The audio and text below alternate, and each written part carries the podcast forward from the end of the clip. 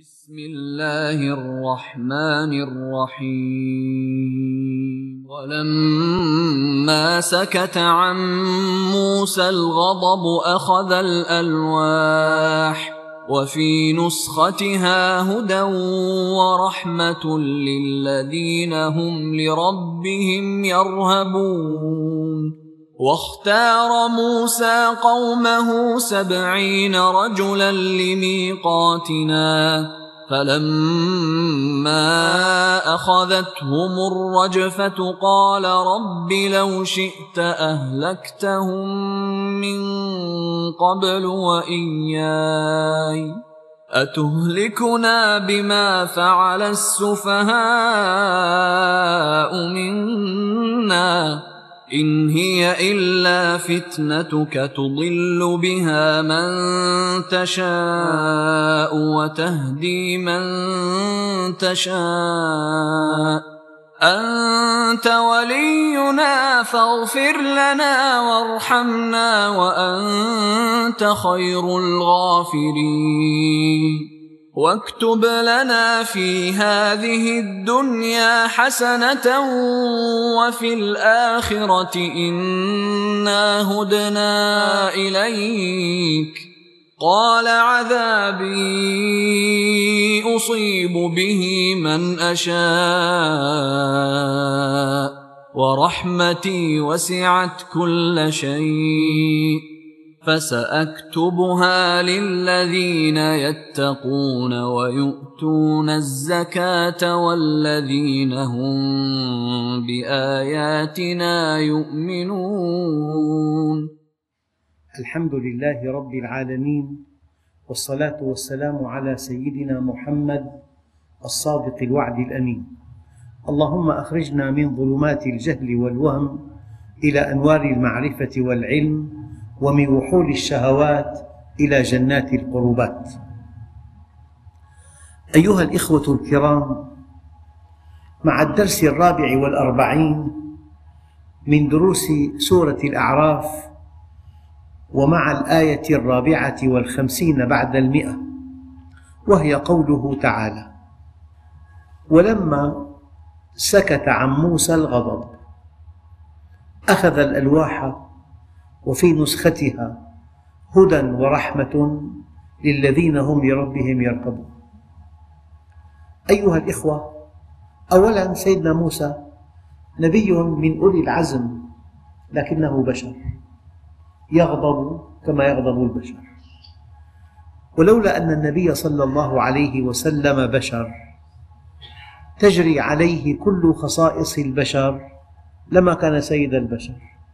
هو يغضب ويتألم ويفرح ويخاف حتى إن النبي عليه الصلاة والسلام قال أوذيت في الله وما أوذي أحد مثلي وخفت في الله وما خاف أحد مثلي ومضى علي ثلاثون يوما لم يدخل جوفي إلا ما يواريه إبط بلال. فالأنبياء قمم البشر لكنهم بشر ولأنهم بشر ولأنه تجري عليهم كل خصائص البشر كانوا سادة البشر. فسيدنا موسى نبي كريم ورسول من أولي العزم ومع ذلك الله عز وجل يقول ولما سكت عن موسى الغضب شبه الغضب بإنسان. يصيح اقتل اضرب اشتم الإنسان أحيانا يغضب تأتيه خواطر. وأحيانا تأتيه خواطر من نوع آخر. فكأن الغضب نزوع إلى موقف عملي إثر استفزاز. هذا هو الغضب. نزوع إلى موقف عملي إثر استفزاز. فكأن الغضب إنسان بدأ يكلم سيدنا موسى. افعل افعل افعل. ثم سكت الغضب هدأ الغضب. ولما سكت عن موسى الغضب إذا هم بشر وهم قمم البشر والمنهج الذي جاءوا به يصلح للبشر. وينبغي على كل إنسان أن يسلك هذا المنهج. لذلك قال عليه الصلاة والسلام إن الله أمر المؤمنين بما أمر به المرسلين. أيها الإخوة الآية الدقيقة فاستقم كما أمرت ومن تاب معك. يعني للتقريب ممرض بأقل درجة. وجراح قلب بأعلى درجة. إذا أراد الممرض أو جراح القلب أن يعطي للمريض حقنة لا بد من التعقيم. الإجراءات واحدة. مقام هذا غير مقام هذا. عظم المكان ما له علاقة بالاستقامة. الممرض إذا أراد أن يعطي حقنة لا بد من تعقيمها. ولا بد من تعقيم المنشار ولا بد من تعقيم الإبرة ولا بد من تعقيم المكان. في إجراءات لا بد منها. فلذلك إن الله أمر المؤمنين بما أمر به المرسلين. ولما سكت عن موسى الغضب لما رأى قومه يعبدون العجل من دون الله عجلا جسدا له خوار. لما رأى قومه وقد أراهم الله الآيات. كيف أصبح البحر طريقا يبسا؟ كيف أصبحت العصا ثعبانا تلقف ما يأفكون؟ كل هذه المعجزات رأوها رأي العين. وبعد ذلك يعبدون عجلا من دون الله. وكان بالميقات كان في لقاء مع الله كان في المناجاة. وبقي في المناجاة أربعين يوما.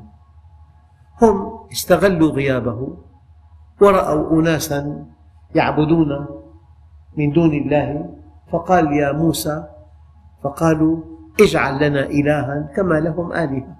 نعم. الآن غضب وألقى الألواح وأخذ برأس أخيه يجره. كان في حالة غضب شديد. هذا غضب لله. علامة كمال الإيمان أن تغضب لله وأن ترضى لله وأن تصل لله وأن تعطي لله وأن أن تغضب وأن ترضى وأن تعطي وأن تمنع وأن تصل وأن تقطع. علامة الإيمان أن تغضب لله وأن ترضى لله وأن تعطي لله وأن تمنع لله وأن تصل لله وأن تقطع لله. سيدنا موسى أخذه الغضب الشريف أخذه غضب الغيرة على هذا الدين أخذه الغضب على المؤمنين الذين تاهوا وعبدوا صنما من دون الله. هنا سكت عنه الغضب أخذ الألواح التي ألقاها الألواح التي ألقاها من شدة الغضب أخذها ولما سكت عن موسى الغضب أخذ الألواح وفي نسختها. الألواح منسوخ عليها توجيهات الله عز وجل. منسوخ عليها تعليمات الصانع. منسوخ عليها منهج. افعل ولا تفعل. منسوخ عليها طريق السلامة. منسوخ عليها طريق السعادة. هذه الألواح وفي نسختها وقد نسخ عليها.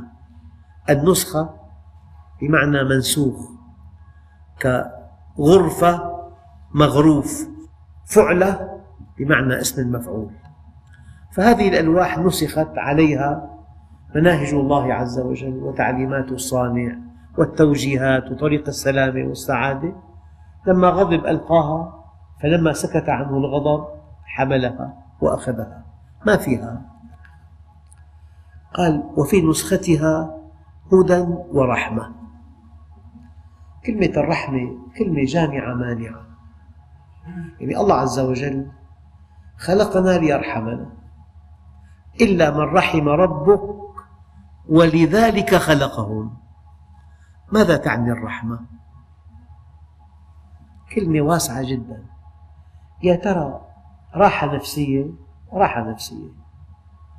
ثقة بالله ثقة بالله طمأنينة طمأنينة. آه، سعادة سعادة. رؤية صحيحة رؤية صحيحة. شجاعة شجاعة. كرم كرم. مكانة علية مكانة علية. صحة صحة. زواج موفق زواج موفق. أولاد أبرار أولاد أبرار. يعني كلمة رحمة شيء جامع مانع تشمل كل شيء. كل شيء الله عز وجل تفضل به علينا. أحيانا الأمطار رحمة النبات رحمة الجو اللطيف رحمة. أحيانا التوفيق بالتجارة رحمة التوفيق بعمل رحمة التوفيق بشهادة عالية. تخدم بها المسلمين رحمة. تحقيق أهدافك رحمة. كلمة واسعة. هذه الرحمة أيها الإخوة تسعد بها ولو فقدت كل شيء وتشقى بفقدها ولو ملكت كل شيء. بل إنك مخلوق للرحمة. مثل التقريب. طالب ما كتب وظيفته والذنب تكرر فالمعلم ضربه. فقال هذه المدرسة أنشئت لضربنا. لا. هذه المدرسة أنشئت لتعليمنا.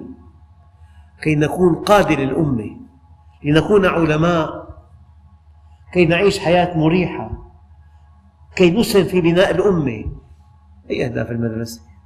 أما الطالب أفقه ضيق جدا ولما تلقى ضرب من أستاذه تأديبا على تقصيره قام اتهم المدرسة بأنها بنيت وأسست لضرب الطلاب. بيقولوا الناس عوام المسلمين لهم كلمات هي الكفر بعينه. لك سبحان الله الله خلقنا للعذاب. هيك طلع معك بعدين وسبحان الله كمان. لك سبحان الله ما في حدا مرتاح. هيك طلع معك كمان. سبحان الله الله بيعطي الحلاوة للي ما له دراس. هيك طلع معك بعدين والله أيها الإخوة هناك كلمات للعوام هي الكفر بعينه. نعم. فلان شرب خمر سبحان الله هيك الله مقدر عليه. هو ما له على قانون الله كتب عليه يشرب خمر. لك اسمع شو حكوا الناس؟ قال باصات معدودة بأماكن محدودة يا أخي الكريم لازم تراجعوا كل مصطلحاتكم. والله مئات المصطلحات. مئات التعبيرات مئات الكلمات. والله هي الكفر بعينه. فأما من أعطى واتقى وصدق بالحسنى فسنيسره لليسرى. وأما من بخل واستغنى وكذب بالحسنى فسنيسره للعسرى. هذا قانون التيسير والتعسير. لذلك نحن بحاجة إلى مراجعة حساباتنا إلى مراجعة مصطلحاتنا إلى مراجعة عباراتنا. التي نرددها دائما. طيب واحد مرتكب معصية كبيرة الله عتره. شو الكلام هذا؟ من شاء فليؤمن ومن شاء فليكفر. إنا هديناه السبيل إما شاكرا وإما كفورا. فهون ولما سكت عن موسى الغضب أخذ الألواح وقد نسخ عليها. منهج كي تصل إلى رحمة الله. نسخ عليها منهج تفصيلي كي تصل إلى رحمة الله. عندنا في الإسلام في صلاة خمس مرات يوميا شحنة روحية. يوم الجمعة في في درس تعليمي الخطبة في بالشهر دورة تكثيفية 30 يوم رمضان صيام. في حج بيت الله الحرام في غض بصر في ضبط لسان. في صدق في أمانة في استقامة عدم غش. منهج تفصيلي يبدأ من فراش الزوجية وينتهي بالعلاقات الدولية. هذا المنهج يعني افعل ولا تفعل. أمر ونهي مجموع هذه الأوامر وتلك النواهي من أجل أن تصل إلى رحمة الله. من أجل أن تصل إلى الجنة. وتقول الحمد لله الذي صدقنا وعده وأورثنا الأرض. في الأرض جاءنا وحي السماء وجاء المنهج وطبقنا والنتيجة جنة عرضها السماوات والأرض. إذا وفي نسختها هدى. يعني منهج يصل بك إلى الهدى والهدى تؤدي بك هذه إلى رحمة الله. لمن هذا؟ لا لكل الناس أبدا. للذين هم لربهم يرهبون. ما الفرق للذين يرهبون ربهم أو للذين هم لربهم يرهبون؟ تماما كالفرق بين نعبدك يا رب أو إياك نعبد. حينما يأتي المفعول قبل الفعل صار في صيغة القصر والحصر. إذا قلنا إياك نعبد وإياك نستعين أي يا رب لا نعبد إلا إياك ولا نستعين إلا بك. أما إذا قلنا يا رب نعبدك وقد نعبد غيرك. هون والذين هم لربهم يرهبون أي لا يخافون إلا الله. لا تأخذهم في الله لومة لائم. إذا كان الله معك فمن عليك. إلهي أنت مقصودي ورضاك مطلوبي. للذين هم لربهم يرهبون. يخافوا من الله. الذين يبلغون رسالات الله ويخشونه ولا يخشون أحدا إلا الله. يرهبون عرفوا عظمته عرفوا قدرته عرفوا غناه عرفوا رحمته. عرفوا عدله عدله الدقيق. فلذلك يخافونه. يعني أكبر صفة في المؤمن أنه يخاف الله. وفي للعوام كلمة صحيحة المرة صحيحة. إذا واحد ما بيخاف من الله خاف منه. وحش لأنه. أعظم شيء بالمؤمن أنه مقيد الإيمان قيد الفتك ما بيقدر. إذا هدى ورحمة للذين هم لربهم يرهبون. ما لكم لا ترجون لله وقارا وقد خلقكم أطوارا. يعني بالمناسبة المؤمن الله عنده كبير يضحي بكل شيء ولا يضحي بطاعته الناس في آخر الزمان هان أمر الله عليهم فهانوا على الله. هان أمر الله عليهم. يعني ما بدقق المال حلال حرام يقول لك ماشي لا تدقق هي شو هي لا تدقق هي لما حديث هي لا تدقق حرام حلال. هالجلسة بيجوز نقعد نجلس بها؟ ما بيجوز هالحرفة ترضي الله لا ترضي الله. فيها معاصي فيها آثام. المادة محرمة شرعا. بدك عليها طلب. أنا بيع طاولات زهر. قلت له بس حرام. قال لا عليها طلب كثير أستاذ ما بقدر. عليها طلب كثير المهم أن يربح المال. إذا هان أمر الله عليهم. تمام. فهانوا على الله. يا رب قد عصيتك فلم تعاقبني. هل وقع في قلبه أنا عاقبتك ولم تدري يا الله عز وجل عم بيعاقب المسلمين. وضع صعب جدا. وضع لا يرضي والله.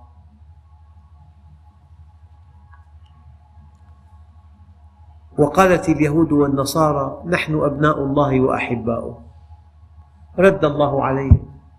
قل فلم يعذبكم بذنوبكم؟ بل أنتم بشر ممن خلق. معنى ذلك أنهم ليسوا أحبابه لأن الله لو قبل دعواهم لما عذبهم.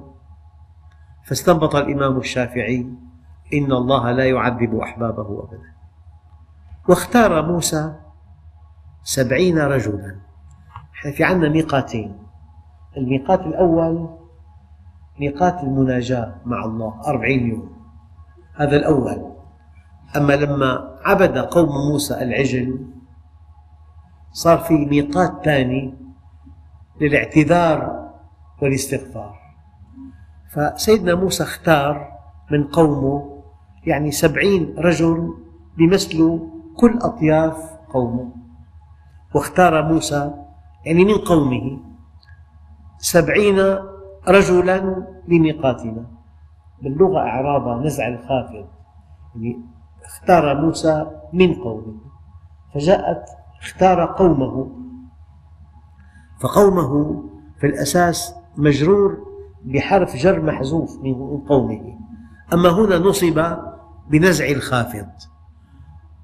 واختار موسى قومه سبعين رجلا لميقاتنا. هذا الميقات الثاني. أول ميقات ميقات المناجاة. وتم في خلاله عبادة العجل. الميقات الثاني سيدنا موسى مع نخبة من قومه من أجل الاعتذار والاستغفار. لكن الله سبحانه وتعالى لحكمة بالغة أصابهم برجفة يعني زلزال زلزال عنيف. فلما أخذتهم الرجفة سيدنا موسى وقع بحرج شديد يعني هو أخذهم للمناجاة أخذهم للاستغفار أخذهم للصلح مع الله فإذا ماتوا فكأنه أخذهم ليقتله يعني وقع بحرج. فلما أخذتهم الرجفة قال ربي لو شئت أهلكتهم من قبل لو أردت أن تهلكهم كنت قد أهلكتهم قبل هذا الميقات. فأنا إذا الآن قتلوا أهلكتنا الآن. ماذا يقول الناس عني؟ إنني أخذتهم ليموتوا. لو شئت أهلكتهم من قبل وإياي وأنا معهم. يا ربي أتهلكنا بما فعل السفهاء منا؟ يبدو أن هؤلاء النخبة لم ينصاعوا لعبادة العجل فذهبوا للمناجاة أو لميقات ثان كي يستغفروا لأقوامهم. لو شئت أهلكتهم من قبل وإياي أتهلكنا بما فعل السفهاء منا؟ إن هي إلا فتنتك. ماذا تعني كلمة فتنة؟ امتحان فقط. يعني أنت لك أن تتوهم نفسك في أي حجم. ماشي. لك أن تتبجح. لك أن تقول. لكن الله متكفل أن يمتحنك وأن يضعك في حجمك الحقيقي. مثل بسيط. يعني شاب ظل يسمع أمه كلمات معسولة تفوق حد الخيال. إن شاء الله حينما أتزوج سأكون أنا وزوجتي في خدمتك. أنت أمنا أنت بركتنا أنت أنت أنت أنت. أسمعها كلاما معسولا لما تزوج انحاز لزوجته قال لها كل البلا منك. يعني المشكلة أيام الإنسان يعطي لنفسه حجم كبير. أنا ما باكل قرش حرام. إيه طبعا عرضوا عليك مئة ليرة ما بتاخذها وألف ما بتاخذها وخمسة آلاف ما بتاخذهم إجاك مليون. يا أخي هي بلوى عامة صارت لا حول ولا قوة إلا بالله. أنا عندي أولاد اختلف الوضع. كلامك باطل. الله عز وجل يعرف بالضبط من أنت. إذا اتجهت زيادة أعطيت نفسك حجم كبير. الله بس بحجمك. بحطك بظرف صعب. صعب جدا. إن هي إلا فتنتك. إنسان تلاقي صاحب دين ورع مستقيم بيقبل عمل بشركة يلاقي فيها اختلاط. يطيب له الاختلاط. صار يصلي صلاة إيه صلاة؟ لا. مشغولة لا. بعدين ترك الصلاة. بعدين صار له صاحبات من هذه الشركة. وين ورعك القديم؟ ورعك ادعاء. كنت تدعي هذا. الله وضعك بظرف صعب كشفك على حقيقتك. في بمعمل الإسمنت يصنعوا طبخات. كل طبخة يصبوا منها مكعبات. في جهاز بسيط جدا. المكعب يمسك من الأعلى ومن الأسفل في كفة. توضع في هذه الكفة أوزان متدرجة. بأي وزن بيكسر؟ هي مقاومته. وكل مؤمن له وزن بيكسر فيه. كل ما كان إيمانك أقوى يصير الوزن عالي جدا. أما الأنبياء والله يا عم لو وضعوا الشمس في يميني والقمر في يساري على أن أترك هذا الأمر ما تركته حتى يظهره الله أو أهلك دونه. من المؤمنين رجال صدقوا ما عاهدوا الله عليه فمنهم من قضى نحبه ومنهم من ينتظر وما بدلوا تبديلا. إن هي إلا فتنة. وكل واحد لا بد من أن يفتن. أحسب الناس أحسب الناس أن يتركوا أن يقولوا آمنا وهم لا يفتنون. هو موظف دخله محدود وله جامع وله شيخ وكل أموره تمام. قام عمل عمل تجاري وفي مادة رائجة جدا بس محرمة. يا أخي. شو بدنا نسوي مضطرين. المرة قال لي واحد قال لي أنا نحن عندنا مطعم درجة أولى لكن المشكلة ببيع خمر بس إن شاء الله برقبة شريكي ما لي علاقة. أنت ما عم تاخذ نص الربح؟ قال لي بلى بس هو اللي اقترح فن هالفنة. ليش وافقت؟ الإنسان أيام بيدعي مكانة لحاله بيدعي حجم إيمان معين. فربنا عز وجل رحمة به بحجمه. يريه من هو. نعم. هذه الفتنة أحسب الناس أن يتركوا أن يقولوا آمنا وهم لا يفتنون. يعني بصراحة أخواننا الكرام في بالحياة ضغوط وفي مغريات. المؤمن القوي الصادق لا تضعفه سبائك الذهب اللامعة ولا سياط الجلادين اللاذعة المؤمن رقم صعب. هلا أي إنسان بيغير قناعته برقم وليكن مئة مليون انتهى عند الله. إذا في رقم بغيرك انتهيت. والله المؤمن لو بيعطوه ألف مليون وهو فقير على أن يقول كلام بخلاف قناعته لا يتكلم. الصحابة كانوا من النوع هذا. كان الواحد بمليون. هلا المليون بأف مو بواحد بأف. كلمة أف شيء تافه لا قيمة له إطلاقا. تأفف. المليون بأف وكان الواحد بألف. كن رجل مبدأ. الله موجود. كلمة الحق لا تقطع رزقا ولا تقرب أجلا. إن هي إلا فتنتك تضل بها من تشاء وتهدي بها من تشاء. الإنسان عند الله مكشوف. بس عم يدعي عم يدعي دعوة. فربنا عز وجل يفتنه أي يمتحنه. بعد الفتنة بينجح أو ما بينجح أذكر إنسان حدثني عن قصة. ذهب مع صديقه ليشتريا سيارتين من ألمانيا. ويأتيان بها إلى الشام ليتاجرا بالسيارات. قال لي نزلنا فندق ببولونيا الساعة 12 طرق بابي وباب صديقي. من امرأة مومس من امرأتين مومستين. قال لي أنا ما فتحت خفت من الله شريكه فتح طرق الباب من امرأة وأنت مسافر وحدك. طبعا فتنة هي. في واحد قال إني أخاف الله رب العالمين. والله يا أخوان أبلغني أنه بعد ما عادوا إلى الشام واحد عمله في صعود هذا الورع في توفيق في بحبوحة والثاني اضطر أن يسلم محله التجاري اشتغل صانع. واحد هكذا واحد هكذا. الله فتن الاثنين. واحد نجح واحد ما نجح.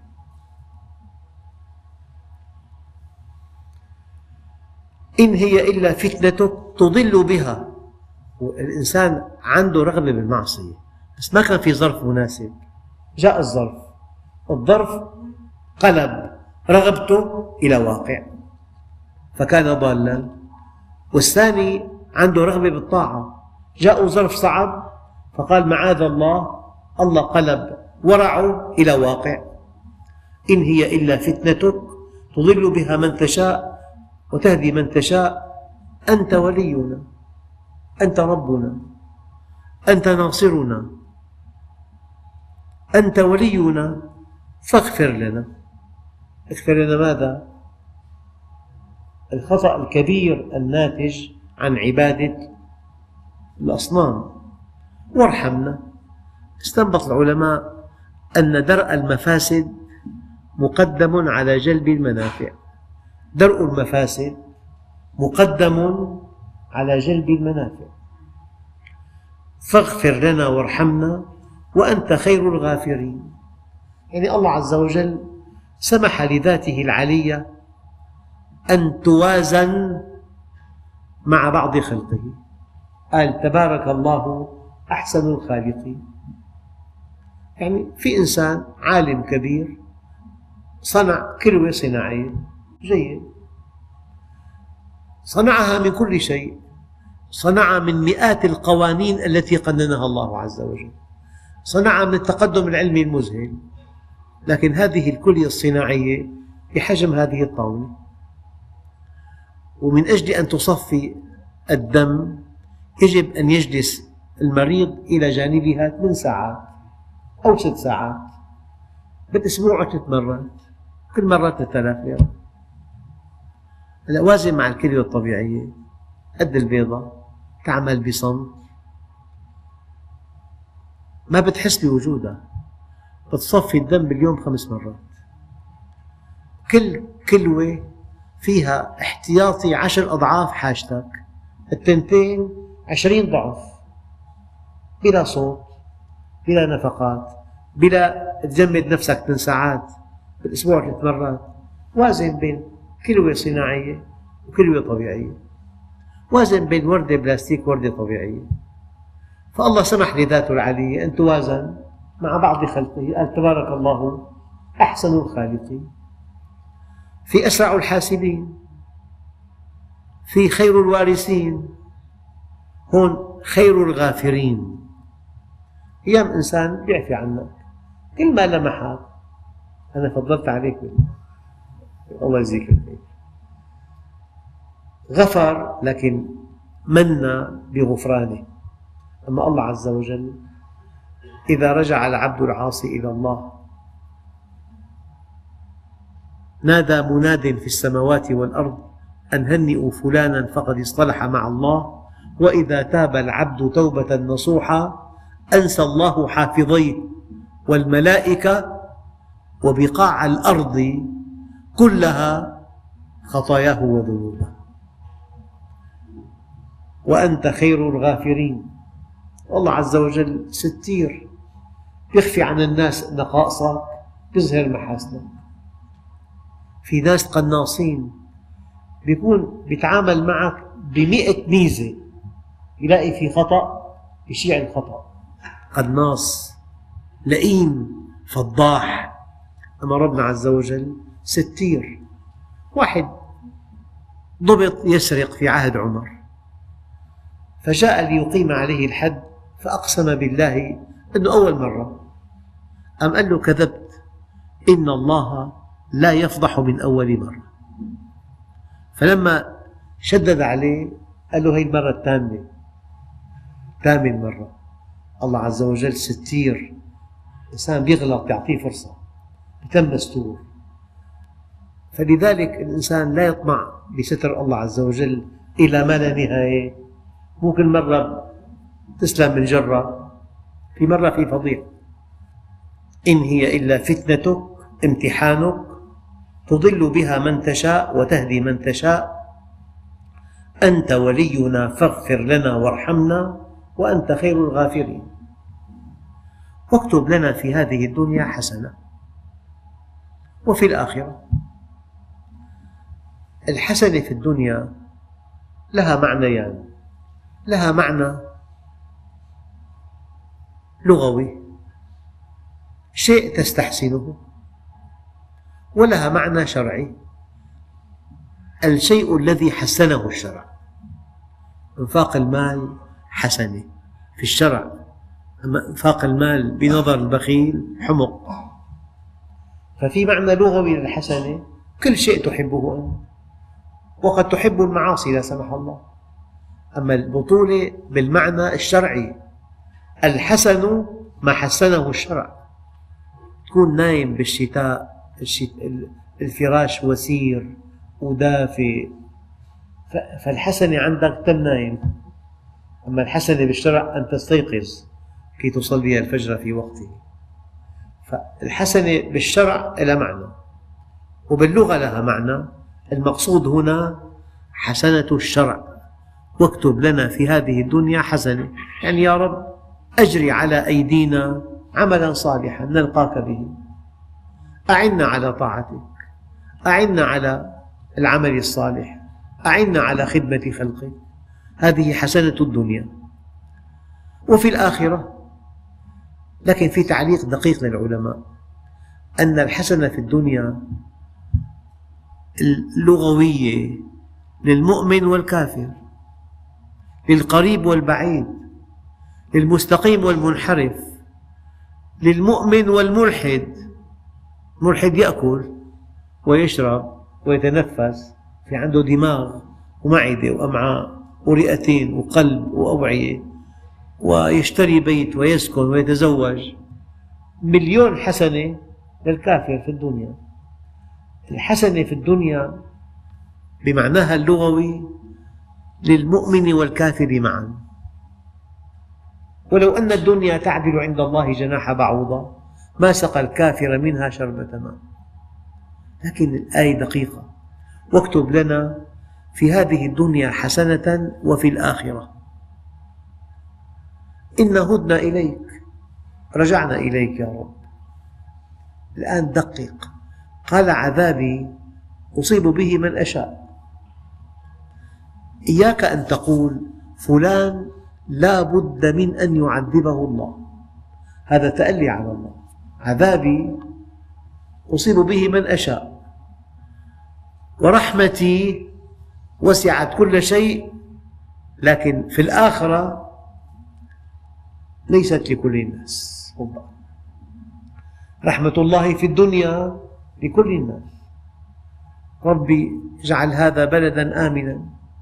وارزق أهله من الثمرات. سيدنا إبراهيم من آمن منهم بالله واليوم الآخر. الله ماذا قال له؟ ومن كفر.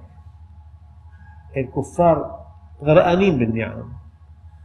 بيوت وسيارات وطعام نفيس وحفلات واختلاطات وسفر وسياحة.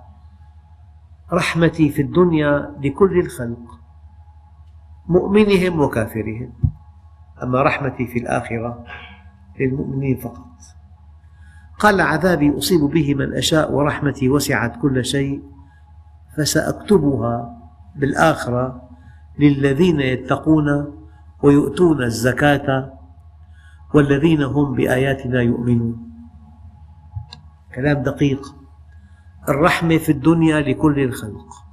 مؤمن كافر مستقيم عاصي ملحد يأكل ويشرب ويتنفس ويتزوج وساكن ببيت ودخله فلكي وبيتنطع وبيتفلسف على الناس. هكذا. رحمة الله في الدنيا لكل الخلق. أما في الآخرة فسأكتبها للذين يتقون ويؤتون الزكاة والذين هم بآياتنا يؤمنون. لذلك إن هذه الدنيا عرض حاضر يأكل منه البر والفاجر والآخرة وعد صادق يحكم فيه ملك عادل. نعم الله في الآخرة للمؤمنين فقط. هلا أنت بالدنيا مثلك مثل غيرك تلاقي شارع فيه مئة بيت بيوت فيها معاصي فيها آثام فيها خيانة زوجية فيها استقامة فيها غناء فيها رقص فيها تفلت بيوت. والكل عندهم سياراتهم ولهم دخلهم ولهم مكانتهم بيعطيك بطاقة. كله مثل بعضه هلا. متى التمايز؟ يوم القيامة. وامتازوا اليوم أيها المجرمون. وامتازوا اليوم أيها ابتعدوا عنهم. فالبطولة من يسعى لعمل يفضي به إلى الجنة. واكتب لنا في هذه الدنيا حسنة وفي الآخرة. إنا هدنا إليك أي رجعنا إليك يا رب. قال عذابي أصيب به من أشاء ورحمتي وسعت كل شيء لكن فسأكتبها وسعت كل شيء في الدنيا. أما في الآخرة فسأكتبها للذين يتقون ويؤتون الزكاة والذين هم بآياتنا يؤمنون. أفمن وعدناه وعدا حسنا فهو لاقيه كمن متعناه متاع الحياة الدنيا ثم هو يوم القيامة من المحضرين. والحمد لله رب العالمين.